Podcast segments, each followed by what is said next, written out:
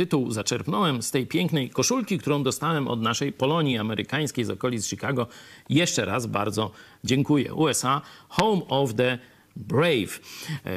W szerszym rozwinięciu, e, że to jest ojczyzna wolnych, dlatego że odważnych. Nie? Także tu jest tylko końcówka tego e, mojego ulubionego motta Amerykanów.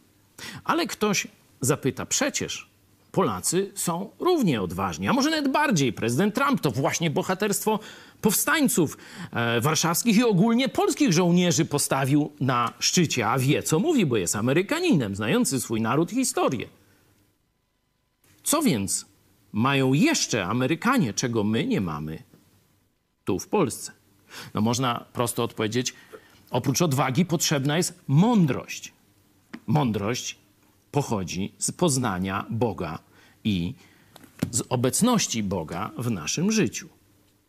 Mądrość prowadzi też Amerykanów do organizacji, a w tej organizacji mają bardzo ciekawą cechę. Potrafią, po, pomimo różnic i y, pochodzenia z różnych kierunków, nawet narodów przecież, uzgodnić rzeczy wspólne. Nazywają to przymierzem. I kiedy zawrą ze sobą już jakieś mądre przymierze, to później się jego wytrwale trzymają. Jak to jest w Polsce. Niekiedy nawet mądre rzeczy potrafimy zawrzeć czy umówić się.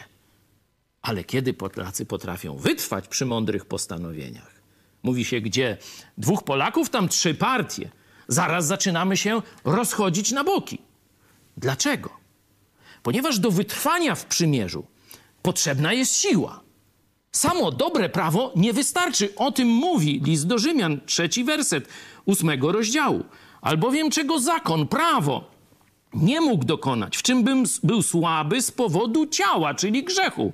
Tego dokonał Bóg przez zesłanie Syna swego, Jezusa Chrystusa. Bez Jezusa Chrystusa naród nie jest w stanie realizować dobrych umów i praw.